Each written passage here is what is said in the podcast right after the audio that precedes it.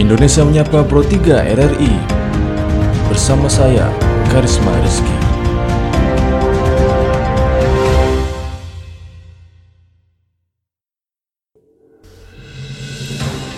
Dari Medan Merdeka Barat 45 Jakarta, inilah Radio Republik Indonesia dengan Warta Berita bersama saya, Karisma Rizky. Sari Berita Wakil Ketua MPR RI pada Muhammad menyesalkan serangan rudal militer Amerika Serikat yang menyebabkan Jenderal Iran Qasem Soleimani tewas. Memanasnya eskalasi hubungan Iran Amerika Serikat pasca pembunuhan Jenderal Besar Iran Qasem Soleimani oleh Amerika Serikat pada 3 Januari lalu berdampak pada aksi balas dendam Iran. Inilah warta berita selengkapnya. Wakil Ketua MPR RI Fadel Muhammad menyesalkan serangan rudal militer Amerika Serikat yang menyebabkan Jenderal Iran Qasem Soleimani tewas. Fadel meminta Amerika Serikat tidak arogan. Berikut Rizky Supermana melaporkan.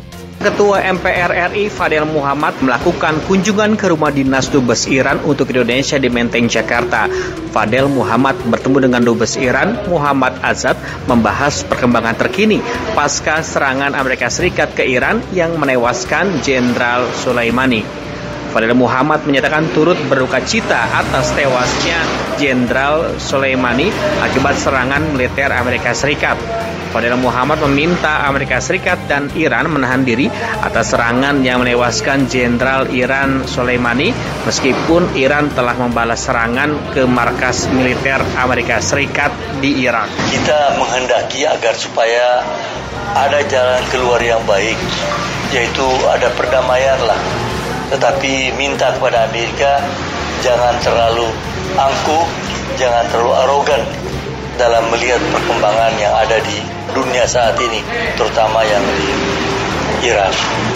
Duta Besar Iran untuk Indonesia Muhammad Azad menyatakan Iran akan mengedepankan sikap menahan diri dan perdamaian menghadapi serangan militer Amerika Serikat.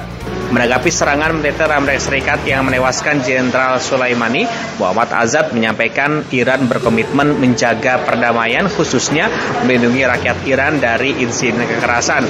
Menurutnya di Timur Tengah saat ini harus membawa konflik ke jalur perdamaian sebab konflik tidak akan menyelesaikan masalah. That was carrying the message of peace from by inviting officially by the government of Iraq to have rapprochement, to have uh, peace in the region.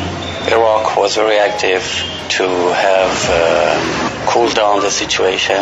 There was uh, some messages from Saudi Arabia kita selalu membawa perdamaian yang selalu ditulis dan dijalankan pemerintah Iran. Untuk mewujudkan kehidupan untuk perdamaian kita selalu menjaga situasi menjadi aman. Itu pesan yang kami sampaikan. Sementara itu, Wakil Ketua MPR RI Fadil Muhammad menyatakan MPR RI akan mengundang Dubes Iran Muhammad Azad untuk diskusi membahas perdamaian di Timur Tengah, khususnya konflik dengan Amerika Serikat. Menurutnya insiden kekerasan di Timur Tengah menjadi persoalan kemanusiaan di mana Indonesia harus ikut membantu menyelesaikannya. Memanasnya eskalasi hubungan Iran Amerika Serikat pasca pembunuhan Jenderal Besar Iran Qasem Soleimani oleh Amerika Serikat pada 3 Januari lalu berdampak pada aksi balas dendam Iran dengan menembakkan puluhan rudal ke pangkalan militer negeri Paman Sam itu di Irak.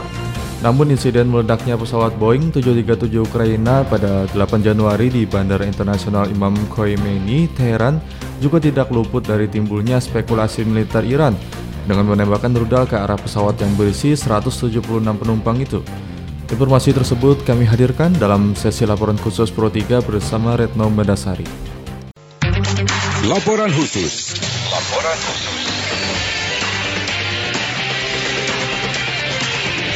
Laporan khusus. Awal tahun 2020 dunia langsung dihadapkan dengan ketegangan antara Iran dan Amerika Serikat pasca terbunuhnya Jenderal Besar Iran Qasem Soleimani oleh pasukan militer Angkatan Udara Amerika Serikat di Bandara Baghdad, Irak 3 Januari atas perintah Presiden Trump.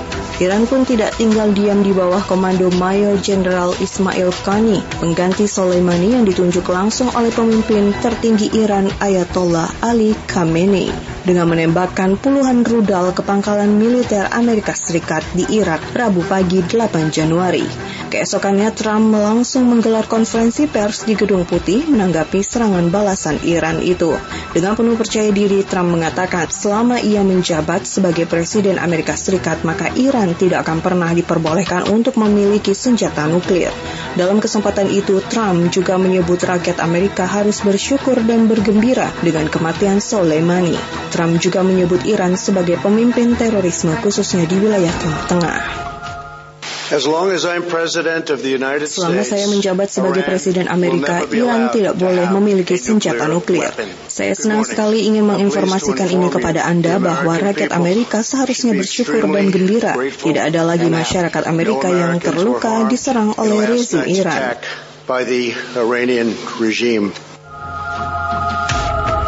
Kematian Qasem Soleimani menyulut amarah besar rakyat Iran. Pemimpin tertinggi Iran Ayatollah Ali Khamenei langsung menunjuk Mayor Jenderal Ismail Khani pada 3 Januari sesaat setelah kabar kematian Soleimani sebagai pemimpin baru pasukan Quds Garda Revolusi Iran. Khani berjanji akan melanjutkan perjuangan Jenderal Soleimani. Janji kami adalah untuk melanjutkan langkah Jenderal Soleimani. Allah yang Maha Kuasa adalah pihak yang akan membalas teror terhadap Jenderal Soleimani. Belum reda peningkatan eskalasi hubungan antara Iran Amerika Serikat, publik dunia kembali dikejutkan dengan kecelakaan pesawat Boeing 737 Ukraina di Bandara Internasional Imam Khomeini, Teheran, Iran pada Rabu 8 Januari. Perdana Menteri Kanada Jason Trudeau dalam keterangan persnya menyatakan dari informasi yang diterima dari intelijen sekutu maupun negara bahwa terdapat indikasi pesawat ditembak oleh rudal milik Iran. Namun otoritas penerbangan Iran menyebut hasil penyelidikan di lapangan menunjukkan bahwa pesawat Boeing 737 Ukraina sempat putar balik menuju bandara setelah beberapa menit lepas landas. Sementara pesawat yang mengangkut 176 orang dengan 167 penumpang dan 9 awak pesawat, di mana 63 di antaranya adalah warga negara Kanada yang akan kembali ke negaranya melalui Kiev, Ukraina. Bahwa kita tahu dengan sebenar-benarnya bagaimana tragedi itu bisa terjadi, pemerintah tidak akan istirahat hingga kita mendapatkan jawabannya.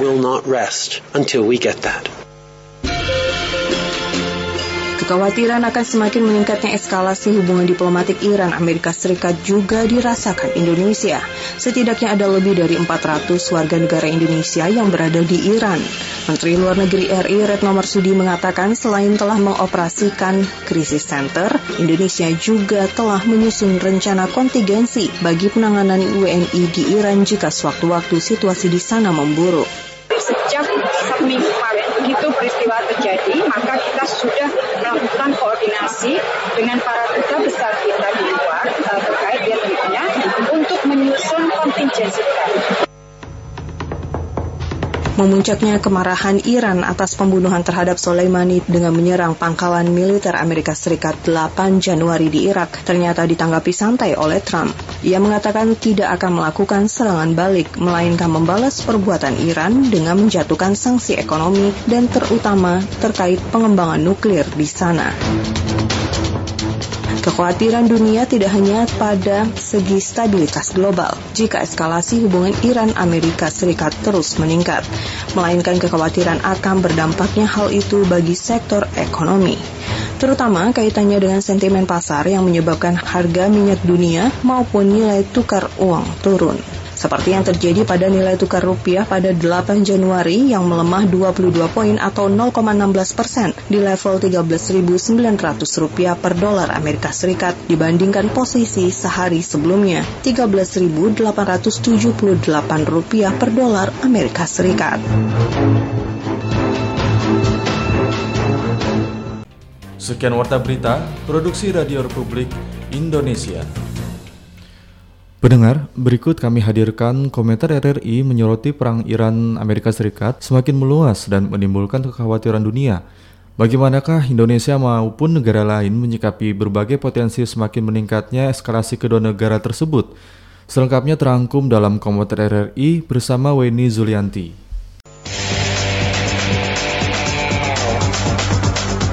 Editorial Pro 3 Pasca serangan drone Amerika yang menewaskan pimpinan pasukan Quds Qasim Soleimani, maka publik internasional seperti menunggu dua opsi. Akankah pecah perang dunia ketiga karena hal ini, atau perdamaian akan segera terwujud? Kalau ingin memprediksi kondisi ini, memang hari ini sangat-sangat krusial. Kemungkinan pecahnya perang Amerika Serikat dengan Iran sempat menguat ketika pasca wafatnya Soleimani, Iran ganti menyerang pangkalan militer Amerika yang ada di Irak. Walaupun Amerika mengklaim tidak ada korban tewas oh, dalam iya. serangan tersebut, namun sinyal lebelas dendam memang secara resmi dikirimkan. Yang menarik adalah ketika Presiden Trump kemudian juga menyampaikan keinginan untuk melakukan perdamaian dengan Iran. Tidak mengambil aksi kekerasan, tapi justru mengambil aksi dialog. Apakah kemudian kekhawatiran masyarakat internasional akan terjadinya perang dunia ketiga atau pecahnya perang antara Amerika dengan Iran akan menjauh? Tentu Amerika dan Iran punya hitung-hitungan tersendiri soal itu. Tapi negara-negara di seputar Iran pun punya tugas tersendiri sehingga ini kemudian tidak menjadi persoalan dua negara saja. Indonesia misalnya bertanggung jawab juga mewujudkan perdamaian dunia di atas kepentingan kawasan dan lainnya. Negara-negara lainnya juga memiliki misi yang sama untuk mewujudkan perdamaian. Namun sepertinya dibutuhkan lembaga internasional yang memiliki kewenangan lebih tinggi atau bahkan mekanisme sanksi untuk berperan lebih aktif mengendalikan keadaan akibat hubungan yang menegang antara Amerika dan Iran. Beberapa di antaranya sudah cukup dilakukan, misalnya ketika Amerika menyatakan akan membombardir 52 situs bersejarah Iran, maka hal itu dihitung sebagai pelanggaran kesepakatan internasional yang sudah ditandatangani sebelumnya oleh Amerika. Sudah saatnya mekanisme-mekanisme kontrol internasional dan sanksi semacam itu diharapkan bisa mengendalikan keadaan menjaga geopolitik global yang menjadi tidak menentu akibat ketegangan dua negara. Sekian komentar.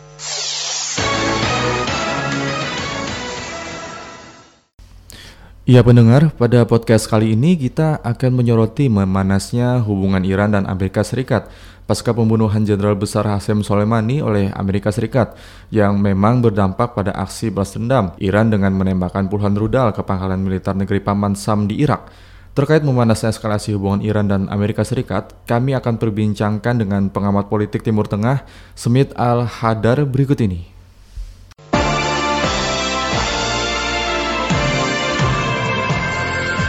Selamat pagi Pak Smith Al-Hadar. Selamat pagi Mas. Kabar baik hari ini Bapak? Alhamdulillah sehat. Alhamdulillah sehat. Nah, waktu awal-awal kita dengar informasi bahwa Amerika Serikat kemudian berhasil dalam tanda kutip membunuh jenderal besar Iran Hasem Soleimani. Muncul kemudian spekulasi ada World War III. Kalau menurut Anda, Pak Smith Al-Hadar, bagaimana potensi World War III ini? Saya kira nggak ada potensi untuk perang dunia ketiga ini uh, karena baik Amerika Serikat maupun Iran ini fakt apa adalah aktor rasional mereka tahu kalau perang terjadi itu tidak ada satu negara pun yang untung. Timur Tengah itu akan menyala dan apa membakar seluruh kepentingan dunia.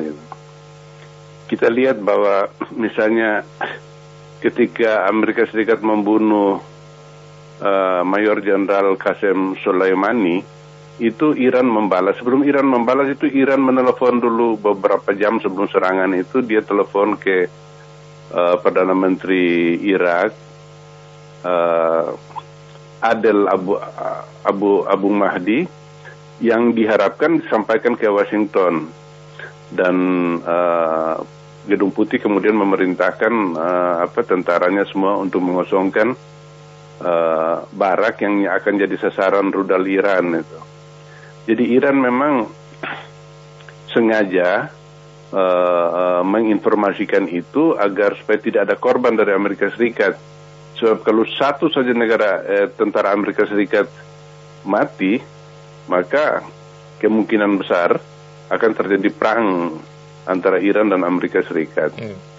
Dan uh, itu Iran tahu dan Iran sadar kalau perang meletus, Iran akan hancur berantakan meskipun uh, juga negara-negara tetangga juga akan uh, memikul getahnya juga. Oleh karena itu, uh, Iran menembakkan uh, rudal ke pangkalan militer Amerika Serikat di Irak Hmm. itu hanya untuk menyelamatkan mukanya gitu. Hmm. Dia ingin uh, publik Iran melihat bahwa pemerintahnya uh, tegas dan berani dan uh, dengan harapan agar uh, apa kemarahan rakyat publik Iran itu mereda gitu. Nah, Amerika Serikat sendiri di pihak lain itu tidak tidak membalas secara militer, tapi menjatuhkan sanksi ekonomi yang sebenarnya sudah tidak punya efek apa-apa gitu, cuma simbolik gitu.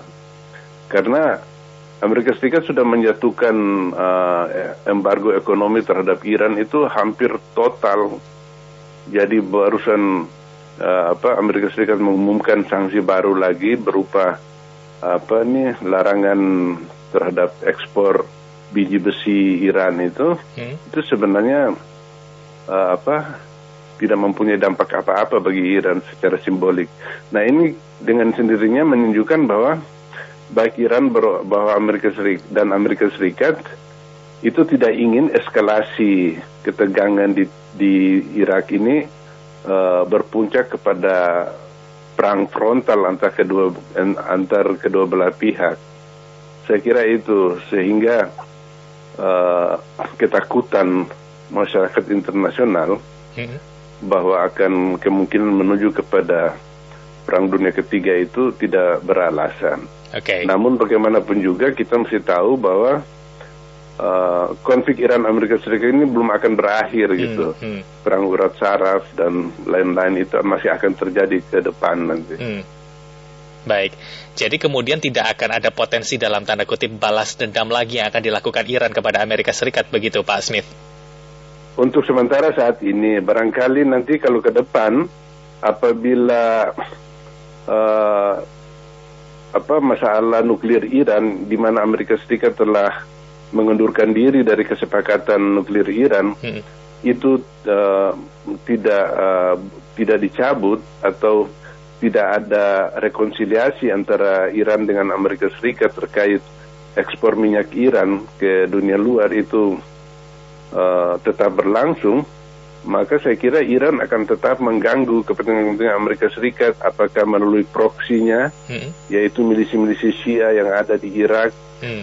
uh, Lebanon maupun Suriah dan Yaman akan terus mengganggu Timur Tengah untuk meningkatkan daya tawarnya agar memaksa Amerika Serikat uh, mencabut sanksi yang telah melumpuhkan uh, apa, ekonomi Iran. Oke. Nah, meledaknya pesawat Boeing 737 di Ukraina ini 8 Januari di Bandara Internasional Imam Khomeini ini kemarin, eh, Pak Smith. Menurut Anda ini diduga oleh spekulasi militer Iran yang menembakkan rudal ke arah pesawat yang berisi 176 penumpang ini. Kalau betul Iran yang melakukan, memang apa motivasi atas eh, tindakan tersebut dilakukan? Baik Iran, eh, baik Kanada, Amerika Serikat maupun Inggris memang eh, menyatakan bahwa jatuhnya pesawat Ukraina itu eh, apa nih disebabkan oleh tembakan rudal. Hmm. Tetapi mereka semua menyatakan bahwa dilakukan secara tidak sengaja. Gitu. Memang masuk akal untuk tidak sengaja sebab Iran tidak mendapat keuntungan apa-apa, malah merugikan dia gitu. Ya. Apalagi di dalam uh, penumpang itu kan ada puluhan warga Iran juga yang yang ini. Dan uh, Iran menembak dan uh, apa? Uh, Iran sendiri membantah bahwa hal itu terjadi. Bahwa hal itu berkat uh, disebabkan oleh apa rudalnya dia. gitu. Nah, untuk sementara saya kendati saya percaya 60% terhadap informasi dari Amerika Serikat, Kanada dan dan eh, Inggris, namun 40% saya masih eh, ragu-ragu karena eh, tidak ada motif atau alasan yang yang Kuat. signifikan, Hmm. alasan kuat bagi Iran untuk menembak pesawat itu, pesawat sipil dan itu justru akan merugikan posisinya. Jadi Iran misalnya sekarang ini uh, menginve- in- menginvestigasi terus uh, penyebabnya dan uh, para ahli yang dikirim Ukraina ke Iran juga uh, saya baca uh, pagi ini Mm-mm. itu uh, uh, membantah, uh, bukan membantah tapi menyatakan bahwa sampai sekarang uh, apa yang dikatakan oleh Inggris, Amerika Serikat dan Kanada itu belum dapat dikonfirmasikan. Kalau mereka ada bukti, tolong diberikan biar uh, apa semuanya menjadi jelas Ya. gitu. Jadi potensinya yang dikhawatirkan oleh masyarakat internasional eskalasi yang semakin memanas antara Iran dan Amerika Serikat ini kalau menurut pandangan Anda tidak akan terjadi. Tidak akan terjadi. Ya. Iya. Memang untungnya, mohon maaf, eh, ruginya bagi kedua belah negara antara Iran dan juga Amerika Serikat ketika ya eskalasi ini terus memanas, apa memang Pak Smith? Gimana? Gimana? Memang apa efek negatifnya bagi kedua belah pihak antara Iran dan juga Amerika Serikat ketika eskalasi ini terus memanas?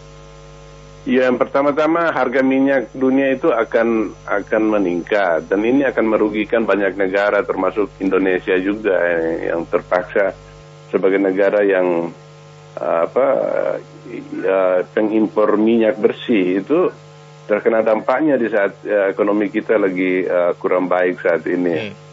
Nah, eh, untuk itu mungkin sangat baik kalau ada eh, apa pihak-pihak ketiga yang dipercaya oleh kedua belah pihak untuk eh, mendeeskalasi ketegangan ini, Hmm. yaitu Iran dan Amerika Serikat harus maju ke meja perundingan eh, dengan syarat Amerika Serikat mencabut eh, sanksi terhadap Iran yang apa eh, sanksi ekonomi terhadap Iran.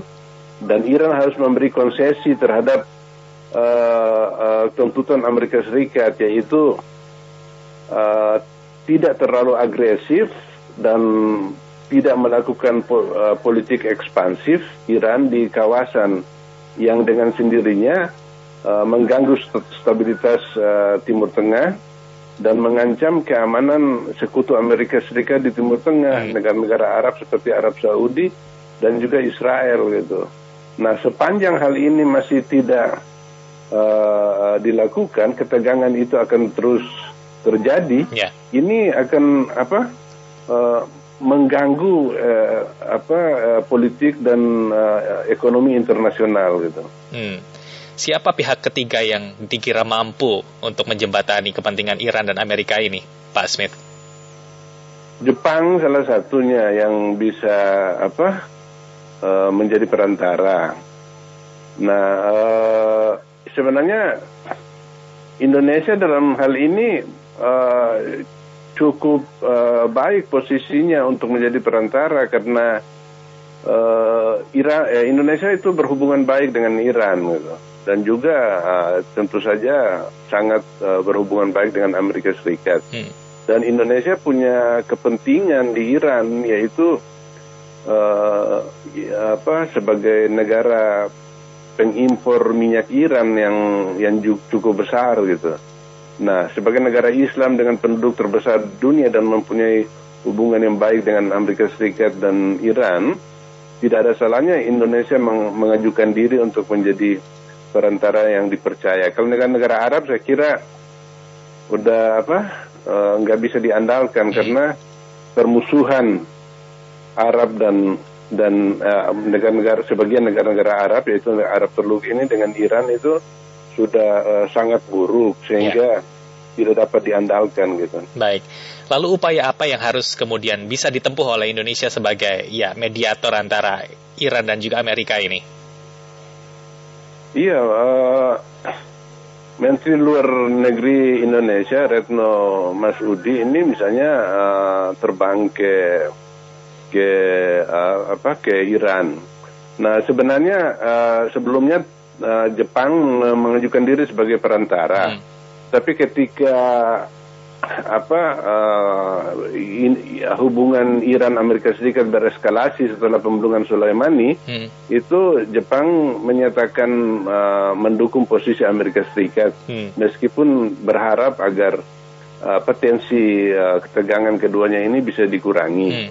Nah, apa Indonesia mungkin akan jauh lebih netral dibandingkan dengan Jepang, Jepang. karena Jepang itu kan sekutu Amerika Serikat. Hmm. Nah, bisa apa Indonesia bisa ambil inisiatif gitu. Dan kedua pihak sekarang ini baik Amerika Serikat maupun maupun Iran itu membutuhkan mediator gitu, hmm. yang bisa dipercaya untuk apa nih meredakan uh, uh, apa ketegangan kedua belah pihak ini. Baik. Jadi Menteri Luar Negeri Iran eh, Indonesia bisa datang ke Teheran, hmm. Lalu terbang uh, ke Amerika Serikat. Karena sekarang ini siapa saja yang bisa dipercaya kedua belah pihak akan disambut baik Amerika Serikat maupun Iran gitu. Hmm. Jadi sebetulnya upaya mediasi ini antara kedua belah pihak, siapa pun yang mau jadi mediatornya akan kemudian disambut dengan baik begitu Pak Smith ya? Iya, iya. Karena kedua-duanya membutuhkan hal itu. Hmm. Tapi memang seberapa kuat kemudian posisi Indonesia sebagai mediator atau butuh kemudian uh, penguat yang lain, pihak-pihak yang lain begitu Pak Smith? Indonesia uh, lemahnya itu um, Indonesia tidak punya pengaruh di di Iran maupun di Amerika Serikat. Tetapi yang bisa dijual Amerika Serikat atau bisa diandalkan eh, yang bisa dijual Indonesia atau yang bisa diandalkan uh, Indonesia ini adalah posisi tulusnya dia, netralitas hmm. dia itu uh, sangat bisa diandalkan. Dan yeah. Indonesia ini juga uh, punya wibawa di gerakan non-blok. Kemudian punya uh, apa nih salah satu negara juga yang yang dihargai di uh, organisasi konferensi Islam OKI gitu. Hmm. Nah ini yang uh, posisi tulus atau posisi yang tidak punya kepentingan apa-apa terhadap Iran dan Amerika Serikat ini itu bisa menjadi menjadi modal untuk untuk menjadi mediator yang dipercaya gitu. Hmm. Baik. Bagaimana dengan peran misal PBB begitu, Pak Smith dalam hal ini? Kalau di uh, peran PBB tentu saja di Dewan Keamanan PBB ini kan uh, apa nih terpecah ya di ya. uh, satu pihak ada Rusia dan Cina hmm. yang mendukung posisi uh, Iran. Di lain pihak ada uh, Inggris, Prancis, dan Amerika Serikat yang yang apa uh, tentu saja mendukung Amerika Serikat hmm. dalam hal ini kubu Amerika Serikat. Hmm. Tetapi ada keuntungan lain yaitu baik Inggris, Prancis, Amerika, Cina maupun Rusia ini semua uh, tidak menginginkan uh, keadaan ini bereskalasi. Yeah. Hmm. Artinya semuanya tidak ingin perang terjadi. Hmm. Nah, oleh karena itu uh, uh, saya percaya bahwa di balik layar itu ada upaya-upaya dari kekuatan-kekuatan besar ini hmm. untuk bagaimana uh, mencari solusi yang yang masuk akal untuk uh, apa meredanya uh, apa uh, ketegangan kedua belah pihak ini. Misalnya kemarin ya. itu ada pertemuan uh, Uni Eropa di Brussels membahas mengenai kelanjutan dari apa uh, kesepakatan nuklir Iran. Nah, mereka sadar betul bahwa uh, uh, bahwa mereka tidak dapat menjatuhkan sanksi kepada Iran pada saat ini meskipun Iran telah telah keluar dari kesepakatan apa kesepakatan nuklir itu karena khawatir keadaan tidak uh, tidak kondusif saat hmm. ini untuk uh, apa bersikap keras terhadap Iran karena ini bisa um, apa me, uh, apa memicu uh, ketegangan baru Nah dengan demikian saya melihat bahwa uh, Uni Eropa pun uh, tidak menghendaki apa ini ketegangan Iran Amerika Serikat ini uh, berproses menjadi suatu uh, ancaman ya. terhadap uh, uh, perang baru gitu. Baik. Nah, nah sebagai ini, uh, ya. Ya. sebagai pihak yang netral tadi dengan uh, bergening position yang tinggi di mata Iran dan juga Amerika, kira-kira pemerintah Indonesia menurut Anda potensinya akan mengambil langkah itu tidak? Menawarkan diri sebagai mediator? Saya kira saya kira uh, saya percaya mungkin ada usaha di belakang layar oleh oleh pihak Indonesia, tetapi kan uh, Indonesia tidak ingin kemudian uh, apa nih langkah-langkahnya itu tidak menghasilkan apa-apa hmm. gitu sehingga uh, apa uh, Indonesia perlu uh, apa berbicara dulu dengan pihak-pihak dari dari pihak-pihak yang uh, bertikai ini kalau apabila ada lampu hijau untuk itu Indonesia bisa bisa bergerak gitu bisa memulai tindakannya mungkin saat ini masih semua pihak dalam keadaan emosi, yeah. baik Iran maupun Amerika Serikat mungkin belum kondusif untuk memulai satu langkah perdamaian kali. Hmm. Tapi niat sebetulnya kemudian dari kedua belah negara ini ingin kemudian melakukan apa perdamaian dalam tanda kutip begitu ya Pak Smith ya? Iya. Yeah. Baik. Nah, tapi awal-awal kemarin saat ya Amerika Serikat mengumumkan telah berhasil membunuh Jenderal Besar Hasam Sulaimani, reaksi keras dari rakyat Iran, kemudian pengganti uh, perjuangan Jenderal Hasam Sulaimani juga uh, memberikan statement yang keras bahkan me, apa membuat say sayembara begitu dengan sejumlah uang bagi siapa pun yang berhasil uh, apa menebus nyawa nyawa Donald Trump untuk Iran. Statement-statement itu menurut Anda apakah kemudian cuma sekedar ya gertakan sambal atau seperti apa atau kemudian yang sifatnya emosional tidak diikuti dengan langkah-langkah strategis balas dendam dalam tanda kutip lainnya atau bagaimana kalau menurut Anda Pak Smith? Iran itu pasti akan akan akan membalas lagi, tetapi apa nih cara-caranya itu dia harus melakukan dengan sangat saksama dan memperhitungkan bahwa uh, Amerika Serikat tidak akan membalas gitu secara hmm. militer. Hmm. Itu Iran yang akan dilakukan. Misalnya seperti uh, untuk membalas kematian Soleimani itu kan sebenarnya proksi-proksi Iran di Irak maupun di Lebanon itu uh, ingin membalas, bisa mengambil tindakan, tapi Iran apa nih uh, menekan mereka untuk uh, biarkan Iran sendiri yang menangani masalah ini. Hmm. Ini menunjukkan bahwa Iran tidak ingin uh, apa nih uh, situasi yang tidak menguntungkan Iran ini ber, bereskalasi ke tahap yang membahayakan kepentingannya. Tetapi ke depan dengan cara bagaimana masalahnya Iran kan sudah mengumumkan melalui Ali Khamenei, yeah. Ayatullah Ali Khamenei bahwa yang dilakukan Iran dengan menyerang uh, pangkalan Amerika Serikat di Irak baru-baru ini itu merupakan permulaan dan akan ada kelanjutannya sampai tujuan Iran tercapai, hmm. yaitu mengusir semua kekuatan Amerika Serikat di Timur Tengah. Hmm. Nah ini mungkin terlalu ambisius uh, apa eh, cita-cita uh, ini karena. Amerika Serikat punya kepentingan yang sangat besar di yeah. Timur Tengah dengan uh, biaya berapapun tentu saja Amerika Serikat tidak akan meninggalkan hmm. Timur Tengah. Uh, nah, tetapi itu yang seperti saya katakan tadi, ketegangan ini akan terus berlanjut sampai kedua belah pihak uh, berpikir secara rasional hmm. Untuk uh, meredakan ketegangan hmm. dengan Amerika Serikat memberi uh, sedikit kelonggaran dalam sanksinya kepada Iran dan Iran bisa memberi uh, konsesi terhadap apa yang menjadi keprihatinan Amerika Serikat yaitu uh, apa uh, Iran tidak tidak lagi menjalankan politik ekspansif di di Timur Tengah yang mengancam kepentingan Amerika Serikat dan sekutu-sekutunya di kawasan itu. Baik, tapi pasti kedua belah negara pasti sudah berhitung ya, Pak Smith ya. Walaupun saat ini dalam lingkup masih emosional, tadi Anda jelaskan di awal bahwa ini tidak ada yeah. untungnya sama sekali. Kemudian terus yeah, iya, melanjutkan eskalasi uh, yang semakin memanas ini antara kedua belah pihak negara. Betul, Pak. Baik. Betul. Nah, Yang jadi perhatian tadi adalah juga ada 400 warga negara Indonesia yang masih ada tinggal di Iran, Pak. Kalau dari iya. Menlu sendiri sudah membentuk krisis center, uh, crisis center dan juga ada rencana kontingensi ketika uh, suasana tidak mendukung bagi warga negara Indonesia. Bagaimana upaya tersebut efektif tidak, Pak?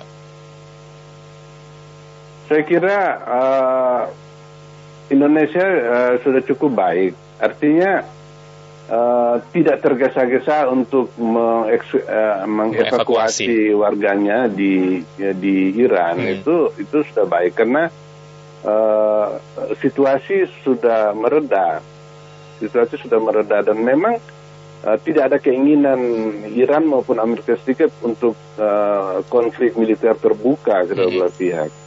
Nah di Iran itu ada sekitar 500 orang warga Indonesia yang rata-ratanya tinggal di Kum hmm. uh, untuk bersekolah agama di sana. Lalu di uh, di Irak ada pekerja-pekerja Indonesia di perusahaan-perusahaan asing, perusahaan minyak asing di di Irak itu jumlahnya mungkin sekitar 700-an orang gitu. Gak terlalu banyak dibandingkan dengan misalnya di Arab Teluk, di Saudi Arabia, Uni Emirat Arab atau Kuwait. Itu banyak TKI Indonesia yang Nah itu kalau perang pecah, uh, mereka itu yang sangat riskan itu punya resiko yang paling besar di uh, apa di Timur Tengah. Nah itu perlu konsentrasi terhadap hmm. ke, terhadap uh, eh, TKI itu yang berada di Arab Teluk itu. Baik, tapi menurut anda potensi akan pecahnya perang dengan skala yang besar ini tidak akan terjadi karena hitung-hitungan rasional antara kedua belah pihak negara Iran dan juga Amerika. Begitu Pak Smith Al-Hadar ya. Terima ya, kasih okay. banyak Pak Smith Al-Hadar telah berbagi pandangan bersama Pro 3 pagi hari ini. Pendengar, informasi tadi sekaligus mengakhiri perjumpaan kita pada podcast hari ini. Untuk Indonesia Menyapa Pro 3 RRI, Produksi Radio Republik Indonesia. Saya Karisma Rizky undur diri, sampai jumpa, salam.